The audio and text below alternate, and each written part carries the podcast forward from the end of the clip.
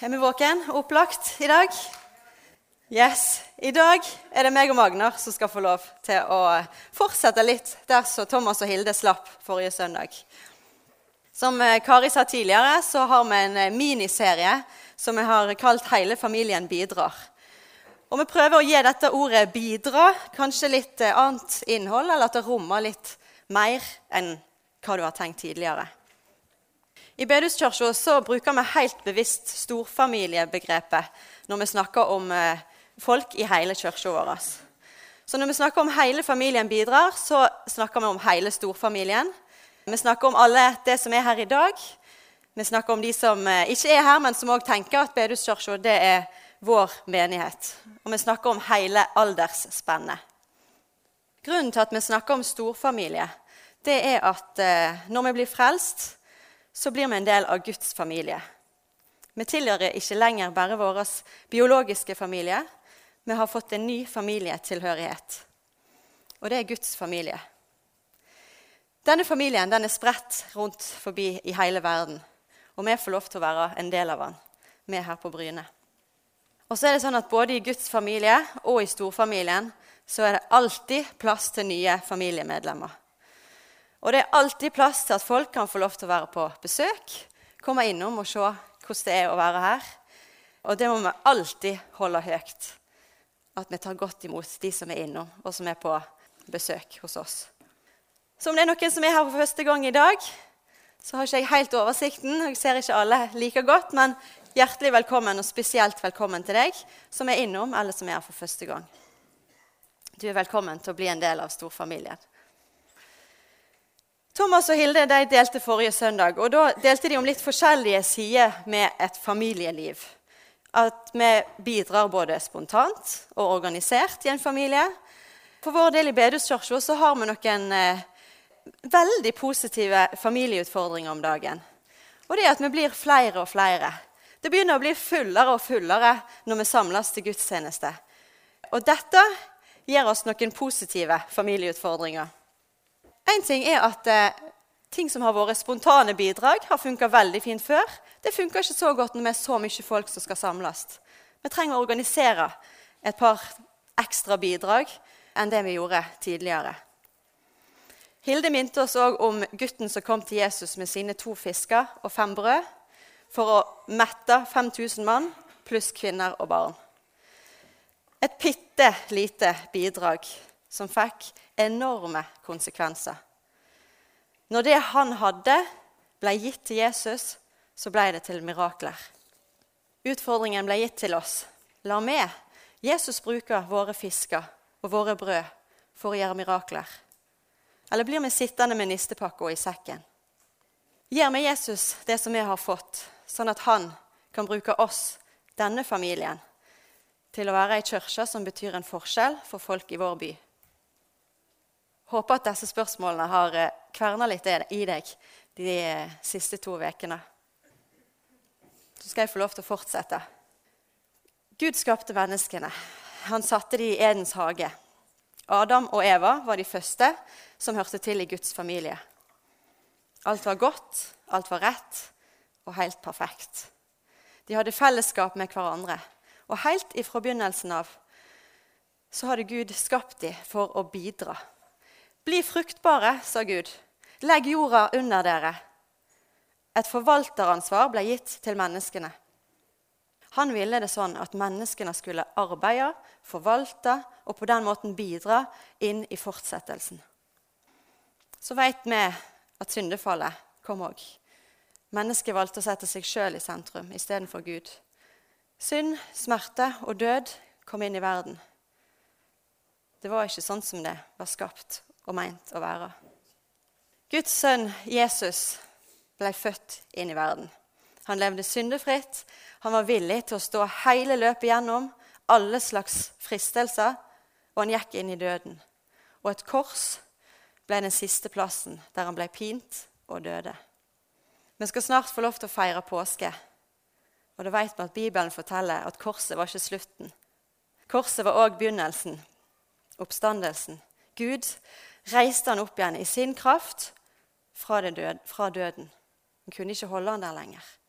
Han reiste han opp fra graven, Og i det øyeblikket så ble det en ny mulighet for menneskene å ha en relasjon til vår skaper igjen. Sånn som det var ifra skapelsen av. Jeg har lyst til at jeg skal være med meg på et bilde.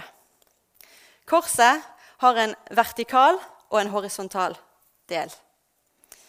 Ved Jesus sin død oppstandelse så ble den vertikale linja åpna igjen. Det å være en kristen, det å følge Jesus, er først og fremst å ta imot den vertikale linja. Jeg håper det er med meg på bildet. Hjertet blir rensa. Vi får et nytt liv, ny identitet, en ny familietilhørighet, en ny retning på livet. Vi får et evighetsperspektiv, og vi får et håp om en evig gjenopprettelse. Og så har korset òg en horisontal linje. En mellommenneskelig linje. Og det betyr at alle vi som tror på Jesus, vi får noe med hverandre å gjøre. Alle folk fra alle slags bakgrunner får noe med hverandre å gjøre. Og Bibelen beskriver dette som at vi blir en del av den samme kroppen, hvor Jesus er hodet. Og vi er alle kroppsdelene, eller lemmene, som det står. Vi skal lese denne teksten. Den står i første kor 12, og jeg skal lese fra vers 12. Slik kroppen er én, selv om den har mange lemmer, og alle lemmene utgjør én kropp, enda de har mange. Slik er det også med Kristus. For med én ånd ble vi alle døpt til å være én kropp. Enten vi er jøde eller greker, slave eller fri, og alle fikk vi én ånd å drikke. For kroppen består ikke av én kroppsdel, men av mange. Og når foten sier 'fordi jeg ikke er hånd, hører jeg ikke med til kroppen', så er den like fullt en del av den. Om øret sier 'fordi jeg ikke er øye, hører jeg ikke med til kroppen', så er det like fullt en del av den. Hvis hele kroppen var øye, hvor ble det da av hørselen? Hvis det hele var hørsel, hvor ble det da av luktesansen? Men nå har Gud gitt hvert enkelt lem sin plass på kroppen, slik han ville det. Hvis det hele var én kroppsdel, hvor ble det da av kroppen? Men nå er det mange kroppsdeler, men bare én kropp. Teksten her er egentlig ganske enkel, klar og beint fram. Kirka er en blanding av mennesker som får en tilhørighet til hverandre når vi følger Jesus. Og det er på en måte, om vi vil eller ei, så får vi noe med hverandre å gjøre. Vi har Jesus til felles. Og da teller verken nasjonalitet eller sosial status eller kompetanse eller hva en bakgrunn en kommer ifra. Alle er en del av den samme kroppen, hvor Jesus er hodet. Det står i teksten Gud har gitt hvert enkelt lem sin plass på kroppen slik han ville det. Du er gitt et sett med gaver og talenter. Gud har gitt deg det fordi at han ville det. Og dine gaver trengs å være i funksjon for at kroppen altså kirka, skal fungere. Dine gaver trengs å være i funksjon for at kroppen skal fungere. Det å være en kristen er ikke et sololøp. Vi hører til et fellesskap. Det er samhandling. Og Teksten sier at vi skal ikke ekskludere oss sjøl bare fordi vi skulle ønske at vi var annerledes eller hadde annerledes utrustning. Vi hører til den samme kroppen. Så har vi ei felle som vi kan gå i i dette her òg. Det er ei sammenligningsfelle, og der tror jeg vi alle sammen har vært innom til tider. De andre får det så mye bedre til enn meg, så hvorfor skal jeg i hele tatt si at jeg kan bidra på dette området? Hvis vi skal bruke kroppen som bilde Jeg vil ikke være en av tærne. Jeg har lyst til å være lårmuskelen, for det er den som får masse oppmerksomhet og, og skryt. Vi vet at det er egentlig tullete. Og vi vet at eh, alle deler i kroppen vår er designa av en grunn. Og i det øyeblikket en av dem er ute av funksjon, så fungerer ikke kroppen optimalt lenger. Det vet vi. Og samme er det med menigheten. Vi trenger Alle gavene er designa for en grunn, og vi trenger at alle tar del.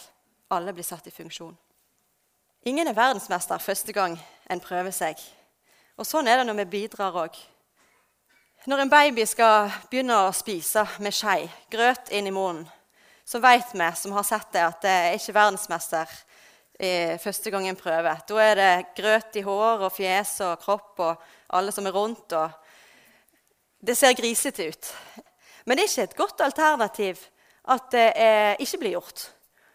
Og det er heller ikke et godt alternativ at eh, foten prøver å ta den oppgaven. Det er hånden som skal utføre det, men trenger kanskje å øve seg litt. Så går det seg til etter hvert. Teksten sier en annen ting som òg eh, kan sammenligningsfella romme. Og det er å tenke at mine gaver er viktigere enn andre sine gaver. Det står litt lenger nede i teksten, fra vers 21 skal jeg lese. Øyet kan ikke si til hånden, 'Jeg trenger deg ikke', eller hodet til føttene, 'Jeg har ikke bruk for dere'. Tvert imot, de delene av kroppen som synes å være svakest, nettopp de er nødvendige. Har du sett når et barn eh, lærer seg å gå? Hele kroppen gjør sitt ytterste for å få denne lille kroppen opp i balanse. Og da er det langt ifra 100% første gangen. Men det er et unikt samarbeid mellom kroppsdelene og hele kroppen. Alle tar del. Alle vil at dette skal gå. Alle vil at denne kroppen skal opp i balanse og fram. I denne prosessen visste du hvor viktig det var tærne sine oppgaver. De bitte små tærne som du kanskje kan tenke at de er mest til pynt i den lille kroppen. De har en utrolig viktig oppgave. Og når jeg måtte undersøke litt hva, hva de hadde av oppgaver, så står det de har en avgjørende faktor for normalgange, og med sitt fraspark spark, fører de kroppen framover. De opprettholder foten sin stabilitet, og ved tap av tær så vil foten være svakere og mye mindre stabil å stå på. Så da, den store lårmuskelen som alle hadde lyst til å være, som var synlig for alle Man har kanskje tenkt at de der små tærne jeg trenger de egentlig ikke. Men hvis ikke de tærne er der og skaper stabilitet, så får ikke lårmuskelen gjort sitt optimale. Det som den har vært optimal, skapt for å gjøre. Vi er helt avhengig av hverandre for at det fungerer optimalt. Det er samspillet som gjelder. Og du er ikke lik den som du sammenligner deg med. Men det er nettopp det som er så unikt. Vi trenger alle lemmene. Og det er strengt forbudt å snakke nedlatende om andre sine gaver og funksjoner. For det er ikke meningen at vi skal løse ting likt. Vi skal gjøre det forskjellig. Og forskjellen, den er gudegitt og helt nødvendig. Det var sånn Gud ville det. Vi har så lett for å se på bidragene som er synlige, og tenke at eh, jeg kan ikke tale, jeg kan ikke lede, jeg kan ikke synge eller spille, så da setter jeg meg sjøl på sidelinja. Men i kroppen er det nettopp de organene, som, eller de lemmene, som er mindre synlige, som er de aller viktigste. Dersom ikke nyre, lever, hjerte, blod fungerer, blodårene, så hjelper det ikke med store muskler. Da går det skikkelig dårlig. 1. Peter 4, 10-11. Tjen, tjen hverandre, hver og en med den nådegave han har fått, som gode forvaltere av Guds mangfoldige nåde. Den som taler, skal se til at han taler som Guds ord. Og den som tjener, skal tjene med den styrke Gud gir. Slik skal Gud i ett og alt bli æret ved Jesus Kristus. Han tilhører herligheten og makten i all evighet. Amen. Alle er gitt en gave i nåde fra Gud til å tjene hverandre og for å ære Gud. Hva er det som er oppi den gaven som du er gitt i nåde? Er du klar over hva som ligger oppi den gaven? Gud har lagt ned noe av seg sjøl i deg. Noe som minner om han. Styrke, personlighet, talenter, hva er det du trives med? Står du med gaven i hånda? Har du satt den ifra deg på hylla? Har du ikke tenkt at du har fått noe, så du har glemt hva du egentlig likte å drive på med? Igjen kan vi se til et barn. Når et barn får en gave, så er det jo ikke kjekt å bare få gaven og sette den vekk. Det er jo idet en tar den i bruk, begynner å leke med den, Kanskje i samhandling med andre. Det er jo da det blir kjekt. Det er da det blir glede, det er da det blir spenning. Gode forvaltere. Teksten sier, sier noe om å være gode forvaltere. Og gode forvaltere tar i bruk gaven. Idet du begynner å ta i bruk gavene som Gud har gitt deg, så skjer det noe viktig. Du begynner å forvalte Guds nåde. Når du er sammen med barna i mine disipler, så forvalter du Guds nåde.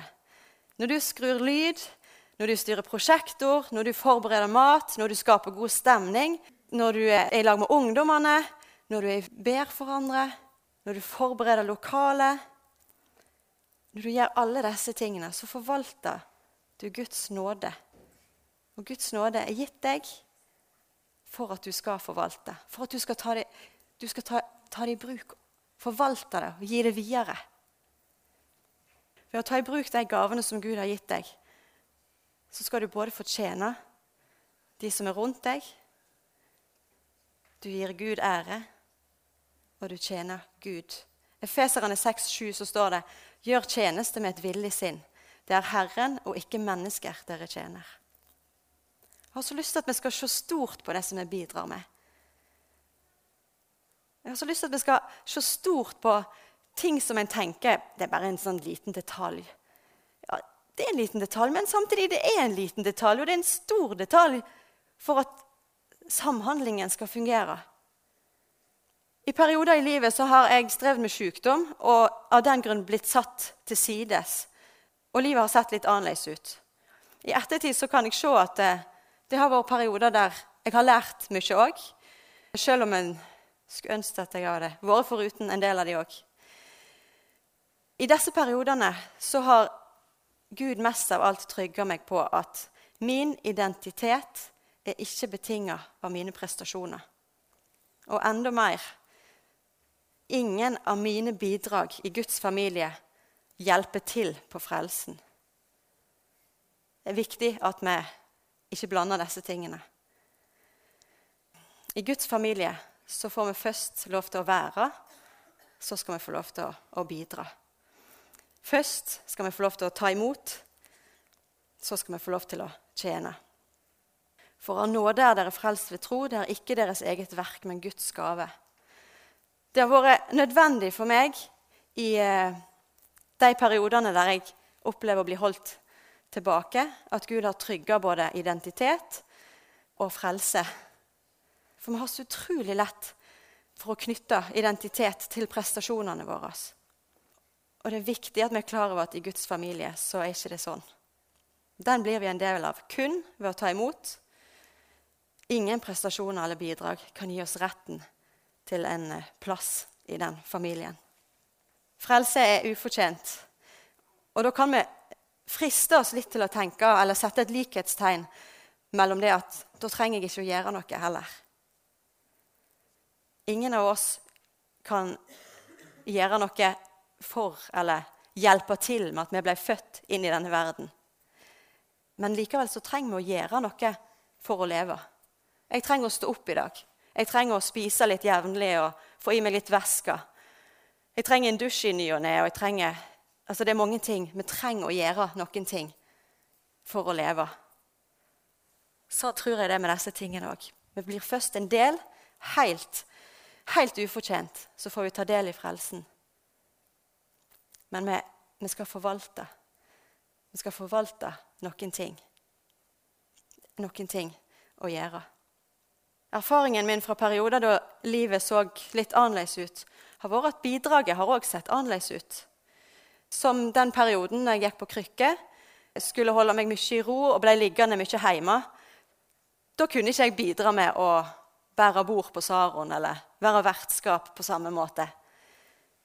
Men det var en tid der jeg hadde mulighet til å gå i forbønn for folk og for kirka på en annen måte enn når beina var friske og jeg kunne springe rundt. Jeg kunne fremdeles bidra, men det så litt annerledes ut. Og sånne perioder kan vi ha i livet, og det er helt greit. Hva er det du liker å holde på med? Hva er det som eh, ligger lettere for deg, som er humørfylt, og som du gleder deg over å ta del i. Elskt om jeg i tida framover hadde hatt en lav terskel for å prøve ut nye områder der en kunne bidra for. Prøve nye områder som en aldri har tenkt på at det, det er noe for meg. Nå hadde elsket at vi gikk litt sånn inn i oss sjøl og tenkte Hm, hva område er det jeg egentlig har hatt lyst til, men som jeg bare har avfeid fordi jeg, jeg har tenkt at nei, nå er jeg for gammel. Det skulle jeg gjort når jeg var ung. Har du noen sånne ting? Ja, vil jeg oppfordre deg til å tenke litt gjennom det. Og så har jeg lyst til å si at jeg har lyst til å ha en kultur der vi er rause med hverandre. Der det er lov å prøve, der det er lov å feile. For kroppen trenger deg i funksjon. Trenger at du, nett som hånden som skal lære å spise grøt, du trenger å prøve å feile litt. Og den kulturen har jeg så lyst at vi skal ha her i kirka vår. Nå skal Magnar få lov til å, å fortsette. Takk, Kjersti, for det som du delte. Som dere skjønner, så er vi inne i denne serien. Prøver å skape et eller annet form for forståelse at vi er i vekst. Lanserer ordet 'bidra' for å, å prøve å fylle det med innhold. Jeg skal eh, ja, da, som takk prøve å avrunde litt dette her. Sette det i en retning. Dere har hørt mye bra i dag, hørt mye bra sist gudstjeneste. Jeg har lyst til å ta dere med litt inn i se på noen perspektiv. Når vi, altså når vi snakker om at hele familien bidrar, jeg tenker det er viktig at vi tenker riktig om dette. Og Det er som det er blitt sagt før, enormt mye som er bra, enormt mye som fungerer veldig godt. Men vi kan bli enda bedre på å forvalte og organisere den veksten som vi ser Gud gir oss. Og sånn at det på sikt kan skape enda mer vekst. Og så tenker jeg det er viktig å ha et perspektiv på at vi vil ikke ha ditt bidrag fordi at uh, vi skal bygge ei stor kirke for å bli sett. For at uh, altså, flere mennesker skal måtte, beundre oss, at vi skal komme i avisa, vi skal få flere likes på Facebook. Det er ikke derfor vi fokuserer på vekst. Det er ikke derfor vi sier at nå må dere bidra. Vårt oppdrag, ditt oppdrag, er å lage disipler. Det er å disiplegjøre én og én, disiplegjøre mange. Der du kan bruke ditt liv til å vise folk veien til Jesus, følge dem, sette en retning på dem, så de òg blir disiplegjørere. Og Skulle vi komme der til at vi måtte begynne å fokusere på å se nå vokser vi, det er kult, og se på oss flinke vi skal jeg love deg, jeg har allerede bedt om at Gud skal stoppe det, skal bryte det ned og begynne å bygge sin kirke sånn som han vil. Men jeg tror at vi er på en veldig god vei. Jeg har ikke vært her så veldig lenge, men utrolig kjekt å komme inn. Utrolig eh, godt fellesskap. Og se at her gir Gud noe. Her beveger Gud i en retning. Men det som vi ser, er at vi kan bli enda bedre på å få alle med til å forvalte dette og sette dette i en retning der vi blir mer effektive. Det er mer ting som vi snakket om sist gang, går fra uorganisert til å bli organisert. Det vi løfte mer i lag. Tre små ting som, eh, litt sånn som vi har observert. Det er blitt fortalt at uh, i løpet av kanskje den siste tida, kanskje høsten, vinteren, så har det vært folk som har gått på gudstjeneste her. Som har gått kanskje fire-fem ganger, som ikke har blitt invitert med i huskirka. Og som nå ikke går iblant oss lenger. Der kan vi bli bedre. Jeg kan bli bedre, du kan bli bedre og invitere. En annen ting er Men jeg har vært nå eh, og sett på i helga på Futurum som har vært her i eh, fredag og lørdag. Sju bedehus fra Vestlandet har vært her og blitt inspirert, blitt veileda og satt en retning på deres vekst. Det var to fantastiske dager. Et læringsfellesskap. Men det som, som ser det er jo at igjen da, Svein Arne springer, han ordner mat, han eh, rydder, han vasker opp, han sant, gjør alt. Her kan vi bli bedre. Her kan vi være flere som tar tak i lag. Her kan vi være flere som er med og støtter opp disse sju bedehusene som, som kommer her og blir forvandla. Utrolig gave, en utrolig anledning for oss alle til å bidra. Eller f.eks. når jeg eh, sitter på kontoret nede i gata her, så har jeg lagt merke til at Hilde, da, som er akkurat nå i Afrika, eh, som talte sist eh, gudstjeneste, hun sitter og jobber med ting, og så plutselig springer ut. Og så er hun tilbake fem minutter seinere, så jobber hun videre. Og så springer hun ut igjen. Og så sånn går dagene. Springer hun inn, og så, hva holder på med? Jo, nei, Hun holder på med å levere ting til frilager. Hun holder på, Sist uke tror jeg hun holder på å tørke noen svære lavotelt som var gitt ut, eller noen hadde leid. Her kan vi òg bli bedre. Her kan vi støtte opp. Her kan vi si ok, jeg kan bidra med å være med å administrere frilager. Jeg kan være med å tørke sko som noen har leid, som ikke har hatt råd til å kjøpe egne sko. Istedenfor at Hilde skal springe alt alene. Det ligger litt på oss på organisering, men her kan vi alle bli bedre og bidra.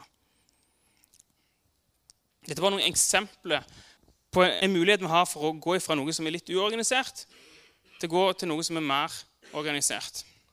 Vi har gode huskirker, vi har et fantastisk læringsfellesskap. Og muligheten med Blå Kors og Frilager er kjempe til å få lov til å være med og bidra. Være med og bidra ut i byen, være med og bidra overfor andre menigheter i landet vårt. Være med og bidra for alle menneskene her i kirka. Vi trenger at du er med og bidrar. Skal ta det med til en bibeltekst. Matteus 20, vers 25-28 skal vi lese. Dere vet at fyrstene hersker over folkene sine, at stormennene deres har makt over dem. Slik skal det ikke være blant dere. Men den som vil være stor blant dere, han skal være de andres tjener. Og den som vil være den første blant dere, skal være de andres trell. Likesom menneskesønnen ikke har kommet for å la seg tjene, men for selv å tjene i sitt liv til en løsepenge mange steder. Vi har vært inne på det flere ganger, men Jesus kom, og Bibelen beskriver at Jesus kommer eller kommer og lærte oss at vi skal tjene. Så kan vi sette inn tjene og bidra. At det om Jesus profeserer oss bidra. Bli med. Bidra med livet ditt. Han kom fra himmelen, ga avkall på vil jeg si noe som høres sinnssykt greit ut. En, en, himmelsk tilværelse. Han ga avkall på det som var godt, det som han likte. Han, eh, han gikk i døden for oss. Han, før det så viste han oss at vi skal vaske, han vasket disiplene sine føtter for å vise at han er en tjener. Han hjalp de svake, de syke, han bidro inn i samfunnet på utrolig mange måter. Så sier han det at eh, den som vil være første, eller den som vil være den største iblant dere, han skal være de andre sin eh, tjener. Så han snur det hele på hodet. Typisk Jesus. Han sier at det handler ikke om å leve et godt liv, men det handler egentlig om å være de andres trell. Det er et ganske sterkt uttrykk. Vi, le, leter jo ofte etter det gode livet. Men Jesus sier at eh, for å finne det, så må du miste det. Eh, snu det på hodet. Det frister ikke å være en trell, men det er noe befriende i det som Jesus sier. I stedet for å fokusere på at du skal vokse, så viser Jesus at eh, med at du bidrar, eller at du tjener overfor andre mennesker, så vokser du òg. Jeg kan se litt på dette, altså, Jesus lanserer egentlig to måter å se bidra på. På den ene sida har du det at det er bra at du tjener. Det er bra at du tjener for andre mennesker. Bidraget ditt har en egenverdi. Det skaper noe i Guds rike. Du bidrar inn i storfamilien. Den fungerer bedre, den vokser. På andre sida har du at du bidrar, og så vokser Guds rike i deg. Du modnes med å bidra, og Guds rike får større plass. Et eksempel på det er at på denne sida ok, det er bra for deg Eller det er bra at det er ryddig her på Saron når vi kommer til gudstjeneste. At det ikke flyter kaos, og at eh, noen har ryddet opp etter Futurum i går. Det er kjempebra. På andre sida er det det at det er bra for deg at du er med og rydder. En ting er, Det er bra at noen åpner opp stua si for at ungdommene kan få lov til å huskirke der. Så de kan vokse, og ha et fellesskap, en plass å møte gode, trygge voksne til å være rundt. På andre sida er det bra at du åpner opp stua di, sånn at du kan gi ut, så du kan dele, så du kan vokse sjøl. På en side tjener du Guds rike ut til andre mennesker. På andre sida så tjener du egentlig deg sjøl med å bidra for Guds rike vokser i deg. Jeg tror at Jesus prøver å lære oss at eh, Tenk litt langsiktig. Lag noen gode rutiner som gjør at du bidrar i lengden, sånn at hans liv kan modnes i deg. La oss se litt langt fram. Prøv å se med et langsiktig perspektiv på ditt liv, på din egen frelse. Da tror jeg at det er lurt at vi organiserer oss. At du organiserer ditt liv og lager gode vaner, som jeg sa. Vær utholdende med bidragene dine. Hvorfor da? Jo, for jeg tror at Vi ser det flere plasser så advarer Jesus oss om at dette livet kan lede oss feil vei. Makt, posisjon, penger, eiendeler snakker Jesus ofte om som ting som vipper folk av pinnen. Selv de som, som kristne kan få et sånn Oi, plutselig var jeg ute av kurs. Så ofte som jeg sa, ønsker vi å finne livet. Men Jesus lærer oss at vi må legge ned livet. Vi må egentlig legge ned våre egne ønsker, våre egne drømmer. Så er han radikalt vi må ta opp vårt kors. Snakker om å være trell. Snakker han egentlig om å dø. Han sier at vi skal bidra, han sier at vi skal tjene. Og så lover Jesus at der framme skal du finne livet. Planlegg langsiktig. Det vil ikke si at du ikke skal respondere på et spontant behov. Noen har 'Hei, kan du bidra på dette?' Ja, bidrar du. Men tenk langt fram. Legg deg gode vaner i livet. Så når du vet at Jesus advarer mot at livet kan tas feil vei han skriver om rikdomsbedrag eller livets bekymringer. Når Jesus sier, og du vet det, at hvis du legger ned ditt eget liv tjener og bidrar for hans skyld, så sier han at da skal du finne livet. Da tenker jeg at det er der vi må sikte. Sånn at du kan bidra gjennom hele livet. Vær utholdende, utholdende i bidragene dine, og du vil bli belønna. Og så, Når vi snakker om belønning, så tenker jeg det det er ikke sikkert at du blir belønna i dette livet. Kan være du må gå gjennom hele livet med sykdom, nederlag, skuffelser. Men Jesus er med for det. Han har ikke lovt at alt skal bli enkelt. Men sikt langt. Sikt, sikt langt fram. Så en dag så er det en belønning for bidragene dine. Og så er det at bidragene og belønningen Det er ikke belønningen som er motivasjonen vår. Men, men motivasjonen vår er å tjene Jesus. Han har sagt at alt vi gjør mot vår neste, mot den minste, det gjør vi mot han.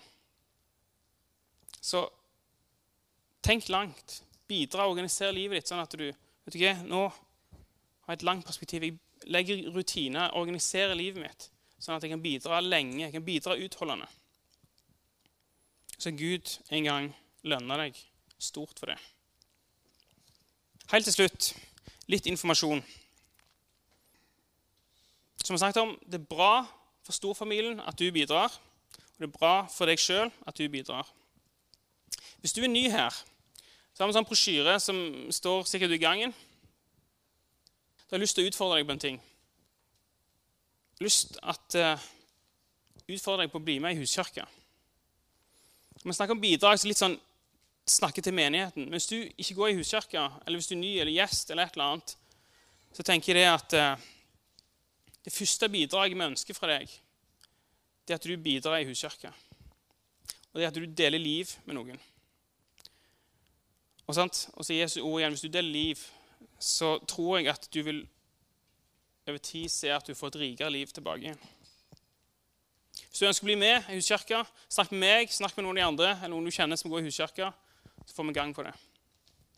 Til du som har gått her en stund, tilhører storfamilien, så er det en spesiell ting som jeg har holdt på med nå i siste, jeg har lyst til å utfordre deg på. Det er den som Kari nevnte, kultur for å gi. Dere har hørt ordet FGS, fast givertjeneste. Bidra. Bli med å bidra. Planlegg langsiktig. Bidra inn i Guds rike. Altså, han snakket om vekst. Jeg tror at Gud har ledet oss til å satse for å få enda mer vekst og til å forvalte denne veksten. Bli med og bidra sånn som Gud leder deg med å gi. Og til alle kan en gå inn på nettsida. Der skal det ligge en eller to blogger om denne taleserien. Og I den bloggen så finner du litt praktisk informasjon om hvordan du kan bidra. Det står litt her hva du kan gjøre. Ledelse, teknisk, praktisk, lovsang, forbønn, kontor, administrasjon. Det er også en link til et skjema som går an å fylle ut. Der du kan registrere deg hvordan, hvordan du kan bidra, hvordan du kan ønske å være med, hva du, hva du liker å gjøre. Fyll ut, og så gjør du deg tilgjengelig for å bidra, så vi kan løfte i lag. Jeg skal avslutte med å igjen si at ok, Gud, takk for veksten du gir oss. Takk for folka som kommer inn. Og Det skal vi være enormt takknemlige for. Men akkurat nå som Thomas har sagt, som Hilde har sagt, som Kjersti har sagt, som jeg har sagt, at nå har vi behov for at vi alle bidrar og løfter i lag.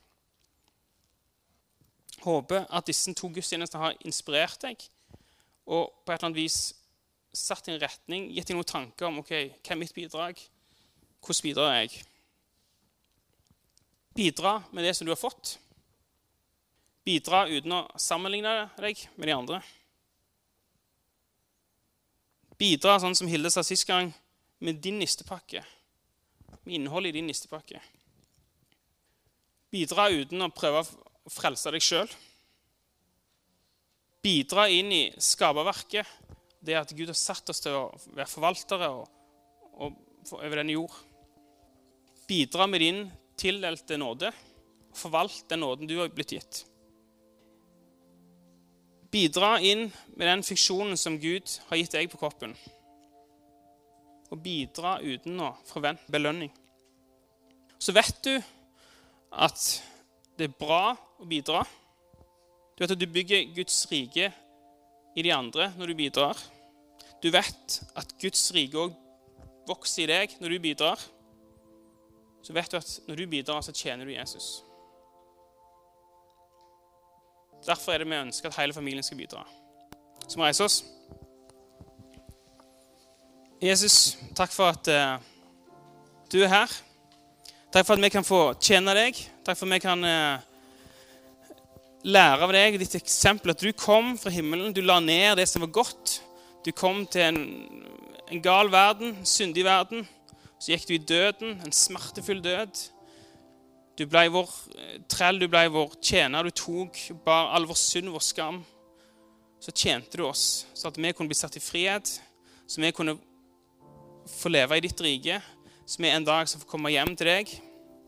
Jesus, hjelp oss til å ha de rette perspektivene. Hjelp oss til å, å vokse i det å tjene, sånn at eh, andre mennesker skal få se hvem du er. Sånn at vi kan forvalte den veksten som du nå har gitt oss. Så vi ser uke etter uke at vi er mange her. Hjelp oss, Herre, så vi kan bidra inn, sånn at alle finner sin plass, som altså alle blir disippelgjort. Og så Gud, så vet vi at vi ikke er så mange. Det er fryktelig mange mer folk her på Bryne, på Jæren, som trenger seg deg. Hjelp oss å bidra, så vi kan nå langt ut. Sånn at ditt navn, Jesus, får stor ære. Jesus, vi ønsker å være en menighet som bidrar i ditt rike.